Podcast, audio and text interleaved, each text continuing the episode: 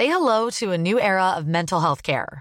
Cerebral is here to help you achieve your mental wellness goals with professional therapy and medication management support. 100% online. You'll experience the all new Cerebral Way, an innovative approach to mental wellness designed around you. You'll get a personalized treatment plan from a therapist, prescriber, or both in a safe and judgment free space. Your cerebral therapist or prescriber will outline a customized plan with clear milestones along the way so you can get to feeling your best. With Cerebral, you're not alone in your mental health journey. We're here to empower you to live a fulfilling life. So take that first step towards a brighter future and sign up today at cerebral.com slash podcast and use code ACasts to get 15% off your first month. Offer only valid on monthly plans. Other exclusions may apply. Offer ends July 31st, 2024. See site for details.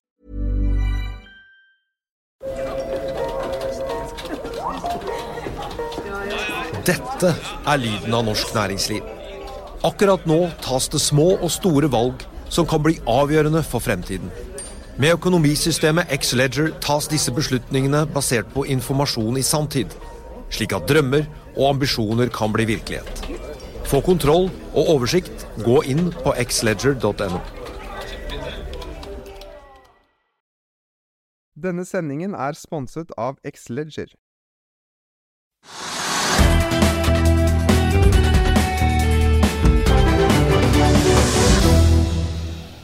Velkommen til Økonominyhetene. I dag har vi med oss sjefstrateg Peter Hermanrud i Sparebank1 Markets. og Det blir nok en interessant seanse, tenker jeg. Men uh, vi begynner på Oslo Børs, Trygve. Det kan vi gjøre. Og uh, det er lite som skjer. Det er ingen store drivere ikke noen spennende pressemeldinger, ikke noen selskapsnyheter eller noen ting. Uh, egentlig så kan liksom gi noe push i markedet. Så det har vært pluss minus null hele dag. Og da gikk i studien nå, så var kanskje markedet opp 0,2% eller noe sånt. Bitte lite grann. Mm.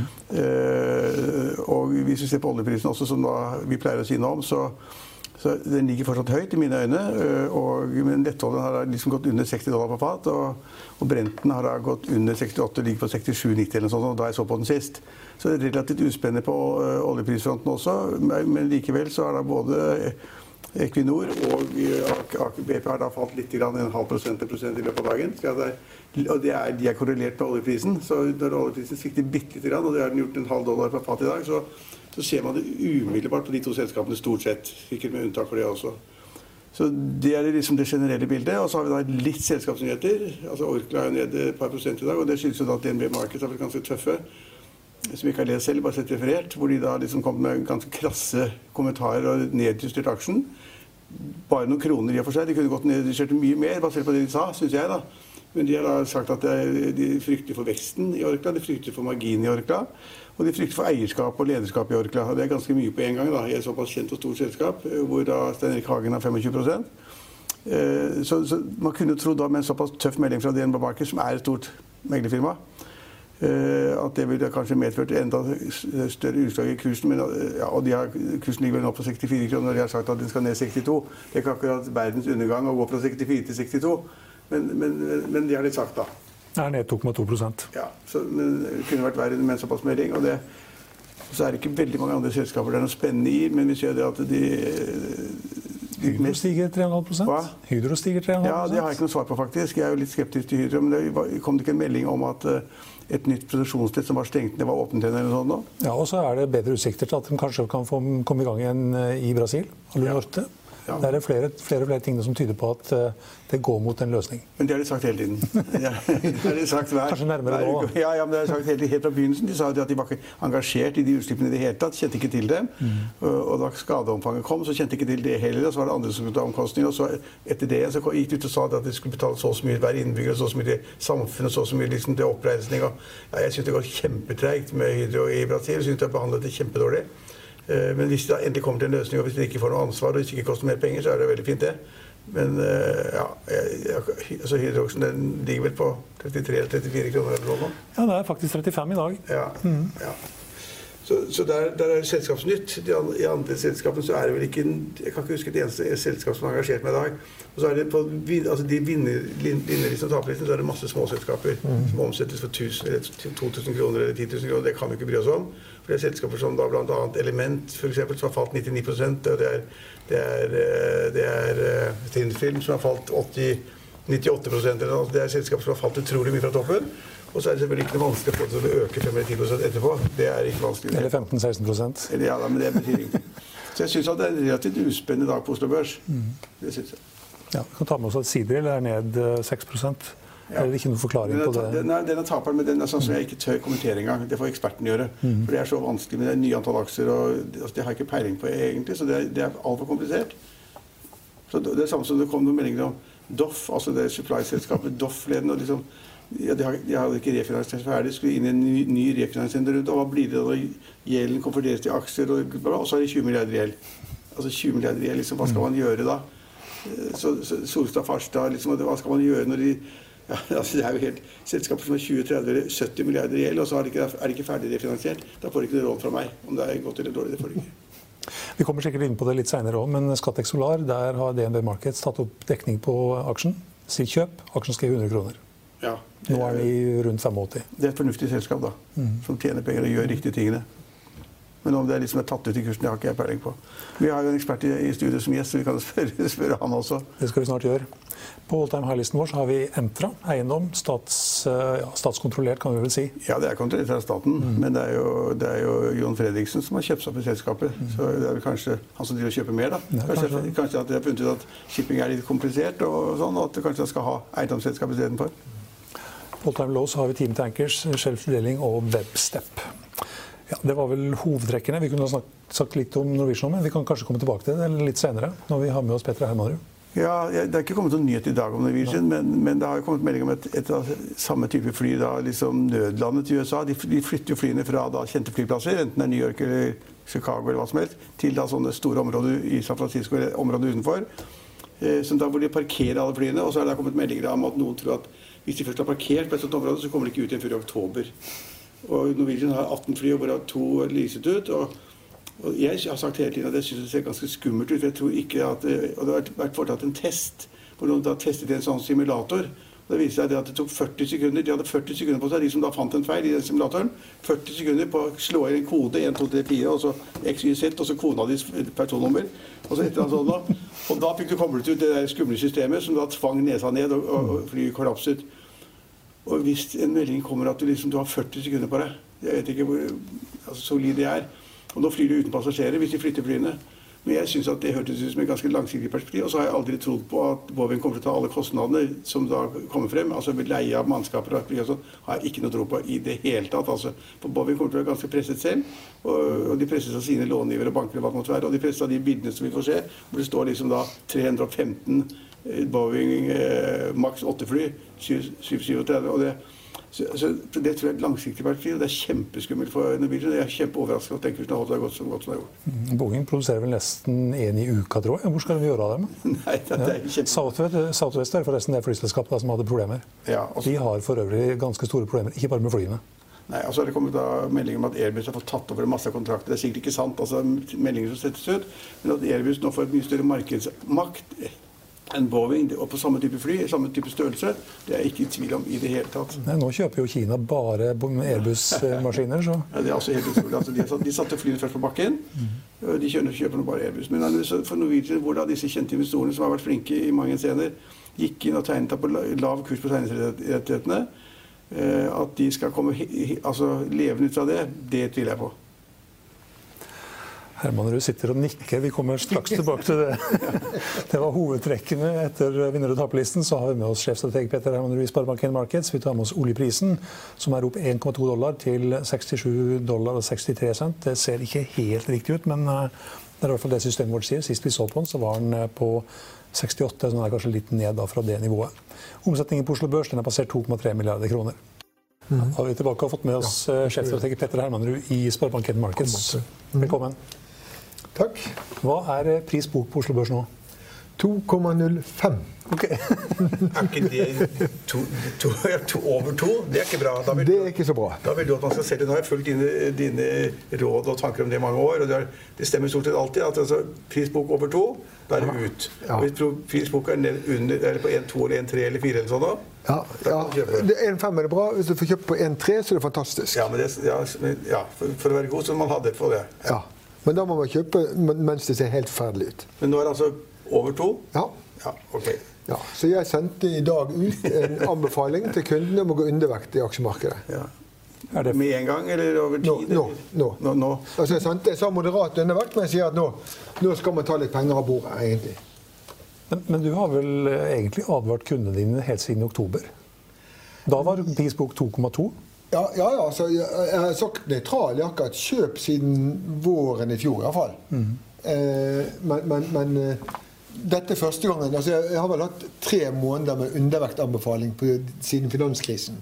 Så, for jeg, jeg har alltid ment at så lenge det er billig, så skal du bare ha det. Så skal du prøve å ta med makro. Men nå er det ikke billig lenger. Og nå syns jeg makro ser skummel ut samtidig. Og den kombinasjonen er, er farlig. Det betyr ikke at det må gå galt, men det betyr at risikoen er altfor stor nå for at det blir noe surt frem mot høsten. Ja, og Det kommer jo veldig mange negative meldinger ute. da, altså Ja. Enten i Europa er eller til og med. USA. så Det kommer så masse negative meldinger at Ja. folk sier liksom nå må man liksom kvitte seg med aksjer og gjøre noe annet. Ja. For, for å ta en sånn Altså hvis du ser på Det man skal prøve å unngå Hvis, hvis du skal prøve å time aksjemarkedet, så må man prøve å unngå de store, de virkelig store fallene. Og de har vært liksom mellom 45 og 65% og de har kommet nesten hvert femte år. Eh, og så har mønsteret alltid vært det samme. Altså Det begynner med at markedet blir for dyrt, og pris på 2,1. Og så begynner det å få en strukket, altså typisk da helt høye investeringer lav arbeidsledighet i økonomien. Så begynner lønnsveksten å komme opp. Så begynner indikatorene å bikke ned. Og så på slutten så kommer det vi kaller suckers rally. Men er vi, er vi der nå? Det tror vi er der nå, ja. Ja, det og det siste suckers rally Jeg har alltid sagt at du kan egentlig vente med å selge til du er inne i suckers rally. For hvis du prøver å selge hver gang det er dyrt, så kan du gå glipp av veldig mange prosent. Eh, hvis du derimot venter til makrotallene også blir dårlige, så, ok, så smeller markedet ned når makrotallene blir dårlige. Men det viser seg alltid at når bare markedet roer seg, så spretter det tilbake igjen. Ja, det er typisk, så- Selv om makro ikke blir bedre. Jeg mener at makro er dårligere nå enn det var i fjerde kvartal. Men ikke i Norge. Nei, ikke, men bare ute. Ikke Ute, Norge. Men. Norge er fint. Ja. Men det er bare at det, det er global økonomi som er viktig, stort sett. Så, så jeg mener at makro har ikke blitt noe bedre, det er heller blitt dårligere. Er Men så har vi fått den vanlige barnsen opp, og nå har vi da et fint vindu hvor du kan selge noen få prosent eh, fra toppen, liksom, eh, med relativt lite opp og relativt mye ned. Men så har du, ja, det, det høres veldig fornuftig ut. Og, men så har du sagt da i en annen sammenheng at det store fallet kan da komme allerede i høst. Ja. 40% eller sånn ned. Ja. Og da skal man jo ikke være i markedet nå, for man må jo lempe litt etter hvert. Man får ikke alt, Ja. man får ikke alt ut i august-september. Jeg, jeg tror at hvis nedbørfallet kommer, så kommer det i høst. Altså Nå kjører vi på stø kurs, helt likt alle andre fall, på stø kurs mot at det skal være i høst. Eh, Da blir det ikke og så betyr høst, da. at det blir i høst. Altså Hvis ikke makrotallene svekker seg ytterligere, så går dette over. Og da, liksom, da vil jeg si at da er faren over til nyttår igjen. Men, men det skal ikke så veldig mye mer til av svake makrotall nå, før stemningen begynner for alvor å bikke ned. Og da er det typisk at da blir det selvforsterkende nedover. Nå, jeg mener vi står litt på vippen nå, der det kan bli selvforsterkende. Og så kan markedene slå sammen med økonomien, som går tilbake til markedene og tilbake til økonomien. Vi er ikke så langt unna det, det Men, men, stadiet. men stakkars alle de norske investorene, og også en del eh, internasjonale, som har vært der i offshoresektoren. Ja. De har slitt seg gjennom flere år, og det er helt krise. og Supplybåtene ligger fortsatt i opplag, og Ja. servicebåtene ligger i opplag, og riggene har ikke begynt å bore engang. Ja. Ja. Alt er, liksom, de har slitt seg gjennom år etter år. Og så har noen investert masse penger, tatt på seg enda mer gjeld, enda mer eh, kapasitet. Mm. Og så trodde de kanskje at i våren nå skulle bli bedre, men hvis de får hele den der 40 i Ja. trynet, da er det jo krise. Så i, i første omgang så vil jo alt dette falle. Hvis markedet faller mye, så vil også det der falle Da vil de også mer normalt. normalt. Dessverre. altså Det viser seg jo Jeg har nettopp jobbet en god del med det også. altså Det faller minst like mye oljeservice som alt annet når markedet faller. Mm. Trøsten er at hvis du tar over en lengre periode hvis, hvis du går inn i en krise med et dårlig offshoremarked som i dag, så pleier det å være sånn at at fallet blir like stygt, men det tar seg utrolig kjapt inn og veldig mye inn. For det første stiger det frem til det begynner å falle, og så tar det raskere inn igjen. Fordi at det i utgangspunktet ikke Det verste er jo hvis det koker og kjempebra, og så kommer smellen. Da er det bare masse nedside. Nå er det faktisk mindre nedside, men, men allikevel mye. Men hvilke, hvilke nøkkeltall og hvilke ting er det du ser på nå da, som skal fortelle deg om det blåser over, eller om det Ja. fallende? Jeg laget en liten liste faktisk som, sa at det, som, som går fra, fra moderat undervekt til større undervekt. For det første prisbok på Oslo Børs opp til 2,3. Eh, Da har du indeks 9,50, kanskje 9,75. Eh, Så Men er, det, er, bare- bare ta det, er det realistisk? To, ja, det kan vi godt komme. Okay. Ja, ja. Der kan vi være om to måneder. prisbok 2-3, da skal man ut. Ja. Da jeg sagt da er det liksom fra nå, nå tar jeg et forsiktig undervekt bet på at det kanskje ikke går det vanlige mønsteret. Men det vanlige er likevel at det fortsetter videre opp. Vi får hele Suckers i ny all time high. Men er vi der, så skal du virkelig begynne å ta sjansen. Sånn, nå skal du bare begynne litt. Grann. Du sa du- Eh, Det er det ene. Så har vi noen økonomivariabler. Jeg har sagt global manufacturing PMI. Det er en sånn innkjøpssjefsindeks som forteller hvordan det går nå og på en måte utsikter for de neste månedene nærmest. Under 49. Vi har falt fra 57 til 50. Eh, 49 så kaster jeg litt mer kort. Okay. Det ser dårlig ut, da, for det kommer negative tall hver dag Ja, hver uke. da. ja, ja, det tikker inn. Men vi er på 50, så hvis vi, og hvis vi kommer ned på 49, da Ja, i sum. Tyskland var på 45 plutselig. Sant? Fra 50. Altså. Eh, og så har jeg sagt nye arbeidsledige i USA har vært den siste variabelen jeg kunne selge på. Hvis den begynner å tikke opp. Og nå har den tikket opp litt, men ikke nok ennå. Men 260 000 i gjennomsnitt over fire uker er mitt tall. da. Da har det steget så mye at eh, da har det aldri gått bra før. I Amerika. I Amerika. Ja. Det er det siste. altså først er det på jobless claims. da, Jobless claims, ja. eh, altså, typisk er det at først blir det dyrt, og så begynner ting å bli strukket. alt det der. Men, men i første omgang er det bare frykten for at det boligmarkedssmitter. og du ser at investeringsintensjonene altså, faller. Men når du ser at aktiviteten er så mye ned, såpass ned at du ser det på nye arbeidsledige, som er altså jobless claims, da har du liksom et veldig kort vindu for det. Ok, Nå ligger du sånn rundt 230, så hvis du kommer på 260, ja, helt riktig. Helt riktig. Opp fra 210 omtrent. ja. Det er de tre tingene du skal følge med på. Ja, det er viktig. Men du, det var Det er greit å forenkle litt. Ja, ja, for- absolutt. det- Ja, det er forenklet. Og, eh, det, det noe som er ute da, sånn mer i finanskretser, mer intrikate finanskretser, som da ser på den rente, renten på lange papirer, ti Ja. års statsobligasjoner i USA, Ja. og korte papirer, tre måneders veksler osv. Ja. Og da, da har man nå funnet ut at ja, du får, det er du som sier det, men altså de lange rentene skal Ja. egentlig ligge høyere enn de korte. Ja. Hvis de lange ligger under de korte, så har man gått til et skjæringspunkt hvor det blir krise og resesjon. Ja, ja. Du, tror du også på den teorien? Ja, så Spørsmålet om du holder på med aksjer, om du er opptatt av regnearket, hva det sier, eller, hva du, eller om du er opptatt av hvordan ting egentlig foregår. Ja. På regnearket du sier at verdiene går rett i taket når renten faller. Men faktum er likevel at alle disse gangene Jeg sier at du spiller av den samme filmen som alle de andre fallene. Og alle de andre gangene så har da lange renter falt så mye at de er lavere enn de korte rentene det blir- før det smeller. Og nå er vi så langt igjen. det, det indikerer en resesjon, et tilbakefall, Ja. dårlig økonomi. Ja, Det indikerer både en dårlig økonomi, og det indikerer også et børsfall. Og der er vi jo nå. Og der er vi nå. Vi, ja. og, og grunnen til dette er jo at det er hyggelig at rentene er lave på en måte. Men det, det forteller jo noe om hva markedet ser. Altså Rentemarkedet mener nå at nå tåler ikke økonomien flere renteøkninger. Nå må de begynne å kutte renten igjen. Og Når markedet sier det, så er det grunnen til at de tror at de må kutte rentene, er at markedet nå tror at, at uh, dette begynner å gå surt. At rentene er høye, De lange rentene er høye, er jo- et tegn på at det, går veldig bra. Ja, det er faktisk det. Ja. Men, men når de synker ned til veldig lavt, så, så blir det ikke så bra likevel. Nei. Så det er mange ting å passe på her, da. Det er mange ting å passe på. Men eh, du, du sier det at eh, altså børs, Oslo Børs da, Ja. kan falle 40% og at fallet kommer til høsten hvis det kommer. Ja. Eller ja, da er iallfall fallet i gang for alvor til høsten. Hvis det kommer. Og, og dette her Rally, du, du satt jo på sendingen vår til jul Ja. og håpte inderlig på det Søkers Rally. Ja, ja, og, vi, jeg ser det. og vi er der nå. Nettopp. Jeg sendte til og med ut på at hvis det kommer, så kommer det nå. Liksom 23. Og der er vi, jeg tror vi er der nå. Og så har vi kommet På Oslo Børs har vi tatt inn 60, på det meste har vi tatt inn 65 altså to tredjedeler fallet har vi tatt inn igjen nå. Og så kan du godt vente på den siste tredjedelen og litt mer enn det, men, men på et tidspunkt må vi si at kanskje ikke det blir helt likt alle de andre gangene. Og da tar vi tar litt Når, når du har tatt igjen 65 da er du på en sånn liten, et nøkkeltall, det var ikke det? Ja, det, ja, jeg tenkte meg om. Noe sånt skal det iallfall gå.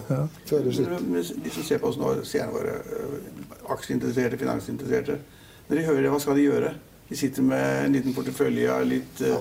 litt uh, Bård drilling og litt sidrill og så litt uh, Tørrdalsskip, og så sitter de på kanskje noen Fisk, kanskje? fiske, fiskeaksjer, eller altså hva, hva, gjør, hva gjør du da, liksom? Du har en sånn liten rar portefølje. Ja. Ja, så Det vil jo denne gangen som alle andre ganger være store forskjeller hvis det faller. For det første er det ikke sikkert det faller, og det kommer til å være forskjellig. Og fortsatt gjelder det å sitte på de gode aksjene og ikke sitte på de dårlige aksjene. Eh, så det er én ting. Jeg kan si litt om det etterpå, hva jeg tror er gode og dårlige. Eh, det andre er selvfølgelig at det er lett å høre meg nå og tenke at nå skal jeg selge alt jeg eier i aksjer. Men jeg må jo si at jeg har, jeg har faktisk solgt litt grann nå, men jeg har 75-80 av pengene mine i aksjer fortsatt. Fordi at det er så Altså, Du skal være forsiktig. Altså, Den store feilen man gjør, er ikke aksjer. Altså, Vanligvis skal man ha ganske mye aksjer. Jeg liker nå mest tanken om at nå skal jeg ha en god del tørt klubb. Kommer det ned, så har jeg masse penger til å kjøpe OBX Bull på bunnen. Mm. Det klarte jeg sist gang, og så satser jeg på det. Ja, men Det er jo samme som oljefondet som da i finanskrisen. ikke sant? De, ja. Da alle aksjene falt og krise i hele verden, så kjøpte de masse ja. aksjer. Det året tjente mest i hele nettopp, tiden. Helt fantastisk. Og, og min beste periode også sånn økonomisk har vært i etterkant av finanskrisen, hvor jeg hadde penger på sidelinjen og klarte å dunke det inn i markedet igjen. Så, så, eh, så, jeg sier ikke med andre ord at hiv ut alt sammen, men det er bare at pass på å ha det tørt krutt. Eh, stiger det mye mer, så skal du ha mer tørt krutt. Foreløpig skal du ha moderat med tørt krutt, og så må vi tenke på hva skal du da sitte med. Men når du da, ja, altså de, de aksjene man sitter med, tar, tar du da aksjer som har relativt stabilt, godt utbytte for å ha liksom, at du får noe penger i det hele tatt? Eller det spiller ingen rolle om det er utbytte? Jo, altså hvis utbytte, altså stabilt godt utbytte, og du er ganske sikker på at inntjeningen gir grunnlag for å fortsette utbytte mm. Jeg kjenner nok en del aksjer som gir mye utbytte nå, men det er veldig tvilsomt om de kan betale utbytte om tre år, f.eks. Mm. Da er det ikke noe verdi i. Eh, det er sånn, Plutselig går det over. Plutselig blir markedet enige om at dette kommer ikke til å vare. Men selskaper med sånn varig, stabil inntjening og godt utbytte er jo veldig fine aksjer å eie nå. Ja. Altså Jeg har snakket tidligere om Fjordkraft. Nå har den kommet seg ganske bra opp, men det er en grei. Jeg lurer kanskje på Orkla, selv om man skal ta på alvor den analysen til DB i dag. Så er det typisk sånn veldig trygg inntjening. Liksom. Ja. Mat, mat, må man ha uansett om det ja, mat må man ha uansett, nettopp. Mm. Ja, men investorene kan jo presse kursen ned 10% allikevel. Fordi de, ja, hvis de er redde for marginen, og redde for, redde for veksten og redde for Ja, ja selvfølgelig. Altså, altså Sannheten er at, at hvis først børsen faller, så rammer du i de verste periodene alle aksjer. Ta, ta Orkla også. Det er rimelig Orkla også. Uansett hvor sikkert det er. Men du sier 40% Du får eh, konkurranse fra Thomas Tygesen i eh, SEB. Ja. Han sier 60-70 ja, Har han gjort det nå? Ja, altså. I høst? Ja, han sa det. Det er nesten Det er på forsida på avisen din i dag. jeg så den der også. Eh, ja. Jeg skulle gjerne sett mer på resonnementet. Ja. For Man skal ikke forkaste den ordentlig gjennom alt han sier. Det virker litt voldsomt. Liksom, skal, det er nærmest sånn at fordi at IT-eierne dør, det forstår jeg ikke helt. Mm. Sånn, så utgangspunktet forstår jeg ikke resonnementet helt. Det var, det var, den analysen som gikk i sånn tiårsfaser. Uh, ja, ja, ja, liksom du, du, har en sterk blomstring av en hel sektor. ikke sant? Så tar du ut alle skalaverdiene og tjener penger og sånn. Og så på et eller annet tidspunkt i løpet av fem eller ti år så er det ikke mer å hente. Og så må du inn i en ny bransje. Grønn eller gul, eller hva det måtte være. Ja, det, det var det resonnementet der, ja. ja det, det, var Finansavisen i dag. Jeg, du måtte holde tunga rett i munnen for å lese den. altså. Men det var jo liksom litt sånn 10-års-20-årsperspektiv. Ja, det var tilbake til 1910. Det er ikke nå til høsten. det var de store linjene tilbake til 1910. Jeg tror mer på Peter. Altså. Ja, ja, ja, Men det er, det er, jo ikke bra at det kommer stadig nye meldinger med forskjellige altså, måter å se det på som er så supernegative. Det er ikke bra. Neida. Men noen begynner å selge etter hvert. Ja, altså Det som er interessant med det, er også at dersom nå markedet skulle falle 20-25% så skal jeg love deg at du, din avis skal skrive mye om sånne scenarioer. Ja. For de kommer vanligvis ikke frem før det allerede har falt. Det er da og, og, jeg har laget en liste over hvilke historier folk kommer til å fortelle hvis de først faller 25 Har du med deg, har du med deg listen? Men den er liksom som at folk kommer til å si at det måtte, dette måtte gå. At alle visste jo at Kina, gjeldsveksten i Kina har verden aldri sett maken til før. Og alle land med sånn gjeldsvekst og investeringsvekst har gått på ryggen etterpå. Og nå er det blitt verdens største økonomi. Det kunne ikke gå galt. For bra, for eksempel. Eller så kommer de til å fortelle historien om Italia og gjeldene. De trodde det var inne i 2011, men åtte år etterpå så har de fått mer gjeld og, en svakere økonomi til å betjene gjelden. Og Riktignok hadde de dårlige politikere i 2011, men nå har de jo gale politikere. Så dette kunne ikke gå. Så nå driver de og kutter pensjonsalderen og innfører borgerlønn. og det er ikke måte på. Mm. Så, så, så, etterpå så kan vi fortelle disse historiene om at dette var jo verre enn noensinne. Og da kommer sikkert den SCP-karen og sier at nå, dette er det store skiftet. Sant? Dette blir 60-70 Og så er det sikkert noen som vil si det at USA har holdt nesten merkelig lenge da, at Donald Trumps skatteinnsats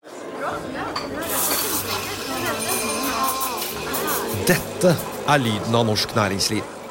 Akkurat nå tas det små og store valg som kan bli avgjørende for fremtiden. Med økonomisystemet X-Leger tas disse beslutningene basert på informasjon i sanntid, slik at drømmer og ambisjoner kan bli virkelighet. Få kontroll og oversikt, gå inn på xledger.no. Denne episoden er sponset av van Brun, en fremtredende smykkeforhandler kjent for sitt brede utvalg av forlovelsesringer, gifteringer og diamantsmykker som bæres og elskes i generasjoner. Et frieri er en av de største øyeblikkene i livet, hvor forlovelsesringen er et tidløst symbol på kjærligheten. Valg av ring krever omtanke for både hvilket metall og diamant, med et bredt spekter av både naturlige og labdyrkede diamanter, og metaller som platina, gult gull, hvitt gull og roségull, hjelper de deg med å sette et personlig preg på din kjærlighetshistorie. Van Brun vil gjerne invitere deg til å prøve på tre av dine favorittringer fra nettsiden helt kostnadsfritt. Du kan også låne et bredt spekter av frieriringer, slik at du og din forlovede kan velge en ring sammen etter det store ja. Van Brun tilbyr 90 dagers åpent kjøp og 90 dagers gratis størrelsesjustering. Utforsk deres eksklusive sortiment i luksuriøse omgivelser. Bok en konsultasjon sammen med en diamantekspert i deres showroom i Oslo. Eller online på vanbrun.com. V-a-n-b-r-u-u-n.com og bla, bla, bla. Veksten er, veksten er høy, arbeidsledigheten lav. At det kan, hvis det smeller, ja. da, da, vil det gå an å si da vil folk si at Trump-effekten kan jo ikke vare. Ja. Jeg syns det er ganske åpenbart at, at, stort sett hele den vestlige verden nå er på full vei nedover. Mm. Mens USA holder oppe. Og det er ganske lett å forstå at grunnen til at USA holder seg så mye bedre, er skattekutt. Mm. Den kunne jo alle andre gjort også. De kunne gjort det i Tyskland, og, de kunne gjort det Og lavere rente, rente ja, forventet. Ja. Men, men, men grunnen til at de andre, det er en grunn til at de andre ikke har gjort det. Mm. Det er en grunn til at alle lærebøkene folk noensinne har lest og skrevet, sier at du skal ikke på slutten av syklus begynne å kutte skattene og øke utgiftene til det offentlige. Selv om det blir bedre på kort sikt, så blir det bare enda mye verre etterpå. Så det Trump har gjort, er jo typisk den siste kampetrekningen. Altså, Siste, ja. De begynner å kjenne hodepine på, på, på nachspielet, og så tar du en skikkelig på styrten. Og, tvinges, og håper at der skal du klare å holde litt til. Og så tvinger sentralbanken indirekte eller direkte til å holde renten lavere enn det kanskje man skulle vært. Eller sånn, kanskje, ja. kanskje. Det er lett å lese de signalene. altså Når sentralbanken snur så kraftig på to Fra fire, fire, fire, økninger i året til kanskje ja. til ingen endringer i det hele tatt. Og, og det eneste som er den mellomtiden, er at lønnsveksten plutselig har gått skikkelig mye opp. Ja det er jo vanskelig å tro, det er lett å tro at det har noe, det er noen påvirkning av noen som har lyst til å beholde jobben. 2018 var et veldig godt år for deg, og de rådene som du hadde, det var på olje, oljeservice, det var på shipping, det var på bolig. Han traff han på alle sammen? Ja, jeg tror nei, nei, nei, nei, Han traff ikke på alle aksjene. nei, det, var noe, det, som vanlig. det er noe godt og noe dårlig. Ja. Men um, 2019, da, også med det bakteppet som vi har nå, hvilke aksjer skal man ha? Det er det som er litt av problemet for tiden også. Det er ikke mange. Jeg trodde kanskje forbruks, altså Nofi og sånne ting skulle ha. Og så ble jeg litt bekymret, for nå skal DNB inn med konkurranse der. Nofi, da tenker på Bank Norwegian. Bank Norwegian, ja. Mm. Uh, og så ble jeg litt i tvil, fordi at DNB signaliserer det. Så tenkte jeg kanskje Orkla, men kanskje er DNB rett. Men det er iallfall sikkert nå. Blir du litt nervøs da når du ser plutselig at DNB er så hardt ute? Ja. Tenker du da Hva faen? Eh, men jeg tror kanskje det. Og så på Fjordkraften, der har kursen gått litt mye. Eh, selv om den er bra fortsatt. Så, så, jeg sliter litt med og Det er et av mine største problemer. At det er veldig få ting jeg klarer å tenke at dette må jeg ha. Mm. Kanskje Yara. Eh, veldig mange gode ting med Yara. At eh, altså Der kommer faktisk ikke tilbudsvekst. Og etterspørselen avhenger ikke av økonomisk vekst, som er deilig. I, Men i lavkonjunktur så går Yara dårlig også? Altså. Ja da, ja da. Og så er det en sånn lang historie der med noe nitrogenforbruk i India som jeg er litt bekymret over. Eh, som vi driver og ser litt på.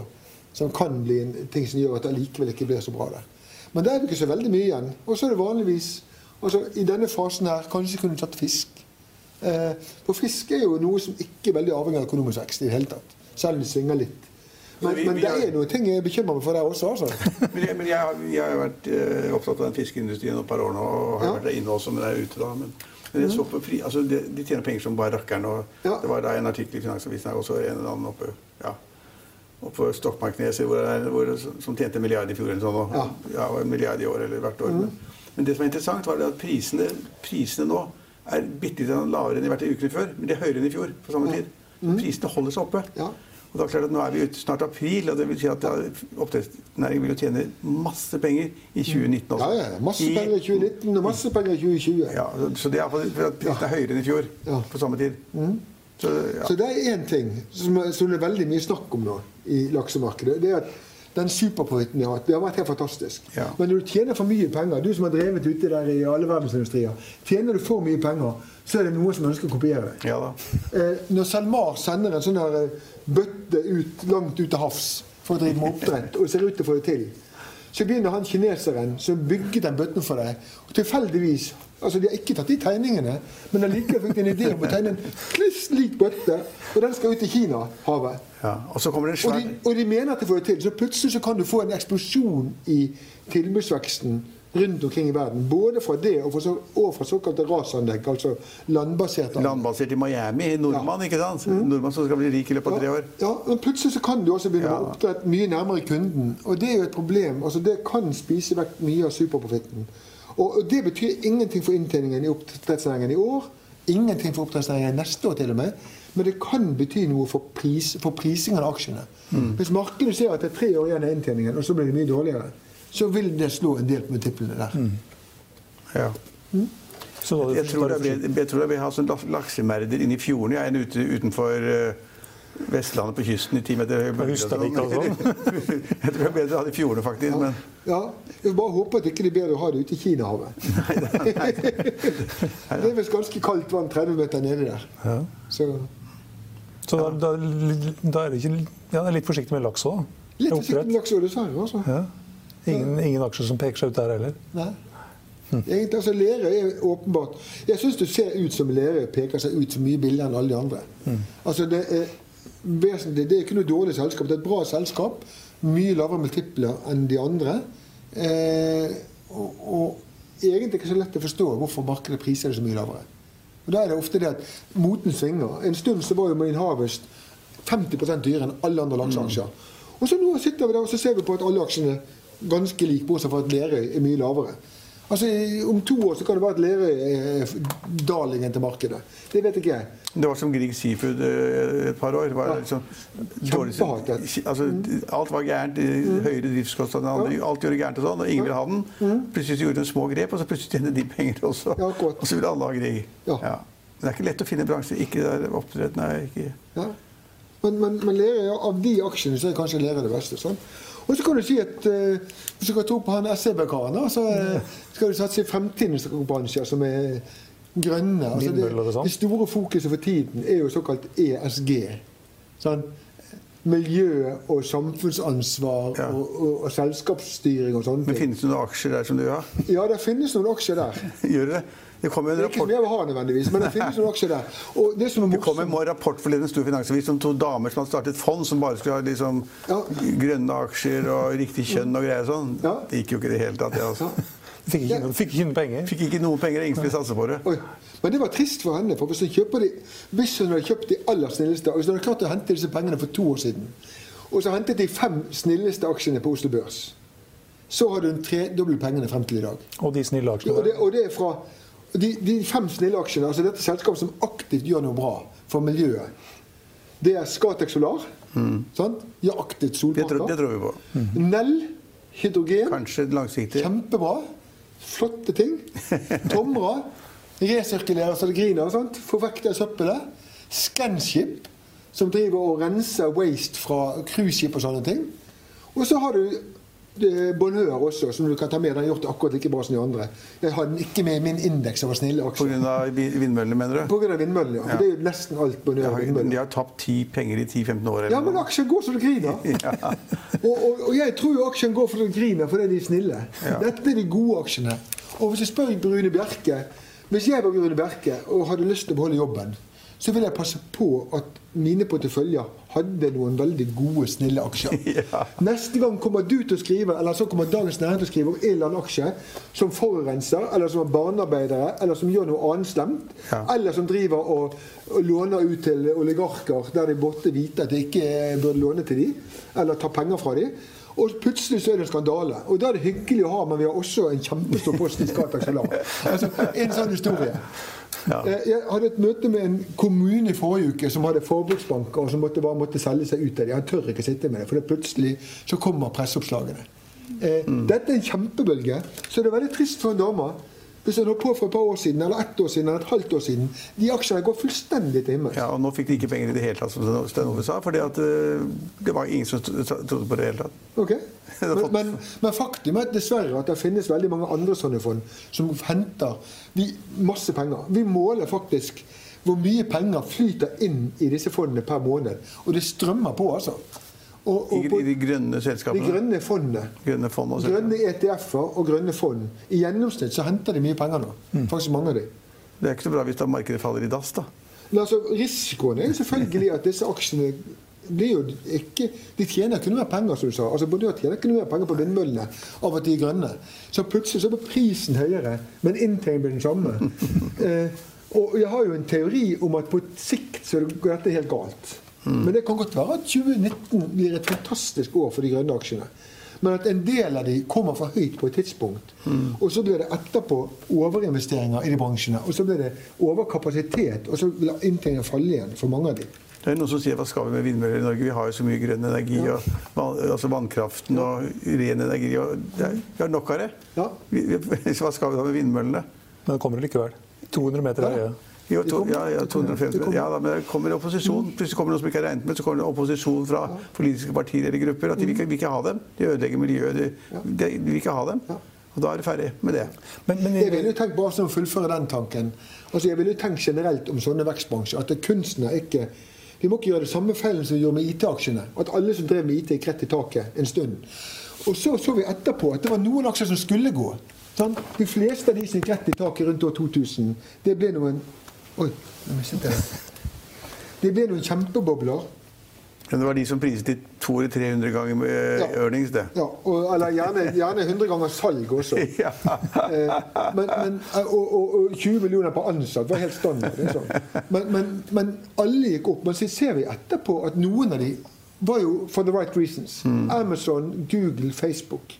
Og sånn blir det nå i den grønne bølgen som kommer nå. Så den blir kjempeviktig. Den grønne bølgen kommer. Den blir svær. Eh, men kunsten er å finne de selskapene som klarer å få en posisjon der de ikke blir utkonkurrert. Der ikke alle andre kan være med og utkonkurrere lønnsomheten deres. Altså markedsledere og ting som ikke er så lett å kopiere. Jeg, jeg vil si det slik at Uansett hva det heter, eller hvor flinke de er, eller hvor søte og pene de er Hvis de har en, hvis de har en, altså en multiple på 200 eller 300, da er det bare å gå ut. Altså. Han kommer til å stå i Finansavisen. Ut! Multiple på 200 holder ikke. Det er nok noe med det.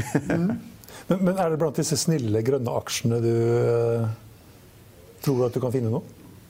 Jeg vet ikke helt. Altså, nei, egentlig Det jeg drømmer om, det er å finne en snill grønn aksje som ikke folk har forstått er snill og grønn. Ja. uh, for da kan du gjøre mye penger. Mm. Men, men uh, det er ikke helt lett, det heller. også. Det er det som er gjennomgangstemaet. Men, men, jeg ønsker å bruke litt mer tid. Det er noen av de aksjene på de grønne aksjene som kanskje har litt mer sånn varig konkurransefortrinn. Men du kan tenke at dette her det, her er det markedsleder i verden. Men la oss hoppe tilbake til hverdagen, den vanskelige, grå hverdagen. Ja, ja. Norwegian. Norwegian. Det er altså blant landets største investorer. Risikovilje, Ja. Mye penger. De er milliardærer alle sammen fra før. Mm. Kjøpte seg billig inn, tilsynelatende billig, for de fikk da tilsynelatende tegnesetter billig på 15 kroner. Mm. Men det gikk i 30 kroner. Altså, skal man ture å være i Norwegian? Altså, jeg ville ikke tåre. Altså, jeg ville bare ikke tåre. Det kan godt gå bra, men jeg syns at de har fått noe motbør. Altså jeg er litt sånn som deg. at Jeg tror når det kommer til sluttregning på den 737-ene, så syns jeg det virker litt naivt å tro at hele regningen faller på Boeing. Og alle de andre skal tjene penger på det omtrent. Sånn, det, det, det, er ikke vanligvis sånn det går. Jeg husker jeg lovet for å være helt ærlig, altså, jeg husker jeg lovet, En av mine tidlige analyser var at Aker skulle tjene penger på det Sleipneren Sleipner var altså en boreplattform til Nordsjøen som plutselig en dag bare rett og slett veltet og falt i sjøen. Og sank. Heldigvis ikke, ikke, med folk om bord. Så jeg klarte å lage analyse, men den stemte ikke. De tjente ikke penger på det. Det ble av mye rundt og frem og tilbake igjen. Og jeg tenker litt det samme med det, Hvis det høres for godt ut til å være sånn, så er det antagelig ja. Eh, for godt til det. Så det er den ene tingen. Så har du, du har nevnt noen andre ting der. Men jeg vil bare legge på en, en, tre, en fjerde ting også. Altså I tillegg til alt det andre som har kommet til Norwegian, så har det også fått en mye svakere europeisk økonomi nå. Mm. Altså En vesentlig endring i klimaet. Det, den, den, siste tallet fra Tyskland og sånne ting, det betyr bare det at, at hvis det går dårligere med, med, økonomien rundt omkring oss, så er ikke det så veldig bra for flyaktiviteten. Vi vet at det står veldig mye på flyaktiviteten. Og, og tommere fly er ikke det de drømmer om akkurat nå. Nei. Eh, og så har du i Norge så har du selvfølgelig også hatt renteøkningen. Nå kom den andre renteøkningen nå. Den tredje sier de kommer til juni. Og da har du plutselig at renten For en som har lånt fem ganger altså det Standard er jo det. altså Skal du kjøpe bolig nå, så må du kjøpe en bolig til fem ganger inntekten din. Det er det eneste med Alt annet er jo galskap. Men, men da er det sånn at den renteøkningen fra 2 til 2,75 f.eks., det er 40 det. 40% renteøkning på ett år. Det vil si at renteøkningen spiser vekk 4-5% av disponibel inntekt. Og du kan ikke kutte på mange av kostnadene dine. Husleie og sånne ting. De er det, eller, ja, mat de er der uansett. Masse andre kostnader er det uansett. Så det er lett, det å fly. Det er lett å ut at sånne ting er det det går utover dette landet. Så jeg syns at risikoen på økonomien er relativt stor, ja. i tillegg til de andre tingene du sier. Og så er det noen som, sier det, som konkretiserer ved å si at tapet i år vil bli 3-4 milliarder kroner. Det var jo det i fjor. Så ja, ja, men det blir i år. Nei, hvorfor ikke? Det er klart at Hvis det setter seg i markedet, og det er tilfellet, da, da ja. Altså Skal man nyansere det På den ene siden kan man si at tapet ble jo 3 milliarder i fjor. Eh, og så kan du si at ja, men det var spesielt. Det var noen problemer med disse Rolls-Royce-motorene. Det var en milliard. og så koster det veldig, Når de skal vokse veldig mye, så koster det veldig mye. og De må investere på en måte for å kunne vokse. Så det var kanskje de andre to, hvis du er snill. Og da går det i null. Og fuel var så kanskje, fuel. Og fuel og sånne ting. Men, men, kanskje kan du si at hvis de kan stoppe å vokse, og Rolls-Royce-motorene ikke streiker lenger, kanskje kan du klare å gå i null da. Men så er det problemet at ja, men i år så var det 737-ene istedenfor. 737 maks. Og så var det europeisk økonomi og så var det kanskje noe fuel-koster som de timet litt dårlig på hedging. eller noe sånt. Så plutselig er de kanskje tilbake der likevel. Ja, og da er de tre milliardene i emisjonen borte? Ja, i så fall så er den Kanskje. Ja. Mm. Ja, altså, vi har jo sett dette i, i SAS. Mm. De kjørte ganske mange sånne, sånn 3-4 milliarders emisjoner. Uh, så jeg, jeg syns Det ser skummelt ut. Vi kan håpe at det er 50-50 for at mm. dette var den siste emisjonen. Mm. In best case. Mm. Norwegian høres ut som en aksje man kanskje absolutt bør, holde seg unna. Du nevnte noen snille aksjer som man kanskje kan se på. Mm. Er det noen flere aksjer som man bare bør ligge helt unna? Oi. Det er noe jeg prøver å tenke raskt gjennom universet mitt. Eh, du, har, du, har, du, har, ikke en analyse på det? Nei, jeg har ikke noen, jeg har ikke noen sånne vanlige som er litt forsiktig med å være for negativ. For noen blir så sure på sånt. Så jeg har kanskje ikke mer enn det, det jeg har sagt til nå. Men det er kanskje skummelt Jeg var, jeg var så vidt inne på det, men det er litt skummelt med sånne offshoreselskaper. Ja, som, som, er ekstremt belånt. ikke sant? Altså, og hvor liksom, det vipper om det hele tatt går på pluss. og det er jo... Altså, Doff-kursen svinger opp og ned, men man må jo ikke kjøpe Doff nå. Nei. Før den emisjonen kommer. For, for, og jeg tror jo kanskje at i forbindelse med emisjonen De klarer ikke å gjøre den emisjonen uten at de gjør noe med gjelds forfall, iallfall, og betingelser og sånne ting. Der kommer en stor runde der.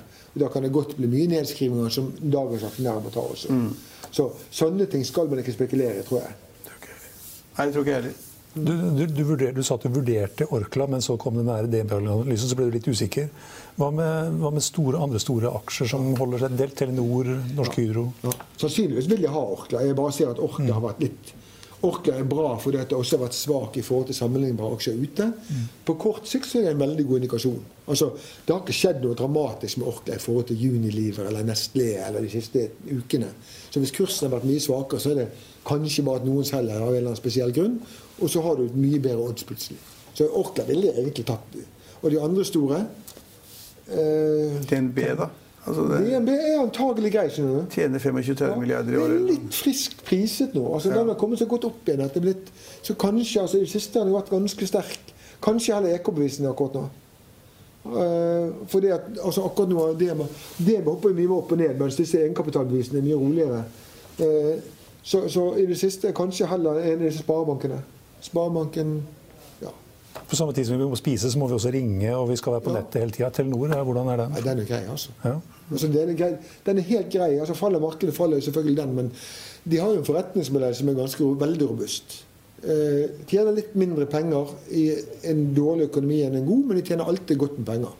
Og god balanse, lav risiko. Så Telenor er helt utmerket, egentlig. Mm. Men jeg har ikke noe sånn Jeg tror faktisk timingen kanskje på ja, Den er ikke så spesielt god. Kanskje på Orkla de vil likevel snakke om Også litt pga. DM-analysen som dro kursen ned, så kan Orkla være ganske god timing også. Og hele shippingsektoren, da. altså Tørrlast går opp og ned, avhengig av hva som skjer i Australia eller Kina ja. eller Brasil eller ja. whatever. Og, ja, og, tank går opp og ned hele tiden. Ja. Du vet, jeg sliter med det meste. eh, tank blir jo Det er mange grunner til å tro på et veldig mye bedre tankmarked neste år. Og det er ganske bra nå allerede. Eh, altså Det skjer noe med USA-volumet og sånne ting. og Det skjer noe med IMO 2020 og, og det sånne ting. Men samtidig så leveres det forbanna mange skip. Ja, så skal, Hvis OPEC ja. skrur igjen krana, så blir det mindre fraktet? Ja, ja, de har skrudd igjen kranen én gang. Men de kan måtte skru igjen kranen en gang til. Ja, det kan de gjøre. For skiferoljeveksten har jo nå fortsatt med ganske uforminnelig styrke. Altså, Det var ikke ventet at den skulle komme ned så raskt, men, men, antall rigger som borer, heller ikke falt veldig mye. For oljeprisen har kommet tilbake nå. Mm. Slik at nå er jo det fallet i antall oljerigger eh, på Shell ganske lite, egentlig. Så kanskje er det bare de toger videre, og så enten må Saudi kutte en gang til. Eller så må de se at oljeprisen faller betydelig. Men det snakkes jo om at de må kutte, da, ganske sikkert. da. De, og, de og Russland og de andre landene. Ja, og spørsmålet vil de det? For da er det begynner, Hvis du kommer inn i et mønster du ser at vi prøver å holde oljeprisen på et nivå der vi må kutte og kutte og kutte, og kutte, det liker de ikke. Nei. Det er et tap. Det er spill de ikke kan vinne. Det, er det, bedre å ta det med Men det var en ekspert forleden som sa det at hvis de da ikke kutter og ikke koordinerer det med Russland, så, så kan oljeprisen falle til 50 dollar, nei, altså til, ja, ned til 50 dollar fatet på Brenten eller sånn. Ja, noe sånt kanskje. Ja. Men, men, jeg tror faktisk det nye er at det kan ikke falle til 30 mer. Nei, det kunne ny sist gang. Og, det nye er faktisk jo større shale blir, jo, jo, mer har du fått en naturlig stopp i markedet du ikke hadde tidligere. For nå har du faktisk at hvis, hvis det går helt galt i oljemarkedet For fem år siden så ville produksjonen fortsette akkurat som før disse to årene. Helt uavhengig av om oljeprisen var 100 eller 20. Eh, nå er det sånn at hvis oljeprisen går til 30-40 dollar, så kollapser det på shale. Og da, da stopper alle nyinvesteringer, og så faller oljeproduksjonen med Kanskje en tredjedel i løpet av et år, faktisk. Det er helt nytt. Mm. Så da mister du Og, og shale Det var ikke så viktig før. Det var samme shale før også, men da var de så små. Men nå er de så svære. Mm. Så da tror jeg at, at, det kan ikke bli så ille lenger på oljeprisen som før. Eh, alle skal jo ha Equinor i porteføljen sin. Må man det? Den er grei på cashflow. De har kommet seg såpass bra på cashflow at det ser greit ut. Mm. Grei på inntjeningen. Men jeg tror jo heller at oljeprisen er litt for høy nå enn litt for lav. Og sånn sett er det jo momentummessig. For det første, jeg tror mer at oljeprisen skal ned, fordi jeg ser at skiferoljeveksten fortsetter. Og jeg tror ikke så veldig mye på det kuttet. Har ikke USA passert Saudi-Arabia i produksjonen? Jo, jo, det har de. Og, og de toger videre. Ja. Eh, så det er det ene at jeg tror ikke så glad i oljeprisen sånn sett. Og, og så er det litt sånn at, at, at ja, faller, faller, markedet, så faller det Statoil også. Mm. Det er ikke så veldig sikkert. Mm. Men den er grei nok, liksom. Mm. Ja. Det eneste, eneste kan lete etter noen grønne, spennende aksjer ingen andre har sett ennå. Ja. Snill, snille aksjer er Statoil. Snille og grønne. Mm. Tusen takk for at du var med oss igjen, Peter. Det var, det var mye bra. Okay. I Finansavisen i morgen så kan du lese Trygve Hegnars leder om den romslige sluttpakken til Telenor-direktøren Berit Svendsen. At Bertil Osten hadde salgssvikt på 41 i fjor og at analytiker Kristoffer Wang Bjørnsen i DNB Markets anbefaler kjøp av eh, Nordic Semiconductor og Evry. Husk også at du kan høre våre børskommentarer og gjesteintervjuer på Hegnapodden. Den finner du på eh, Hegnapodden på hegnar.no, selvfølgelig, på SoundCloud, iTunes og Spotify. Det var det vi hadde for i dag, men vi er tilbake i morgen klokken 15.30. Følg med oss igjen da.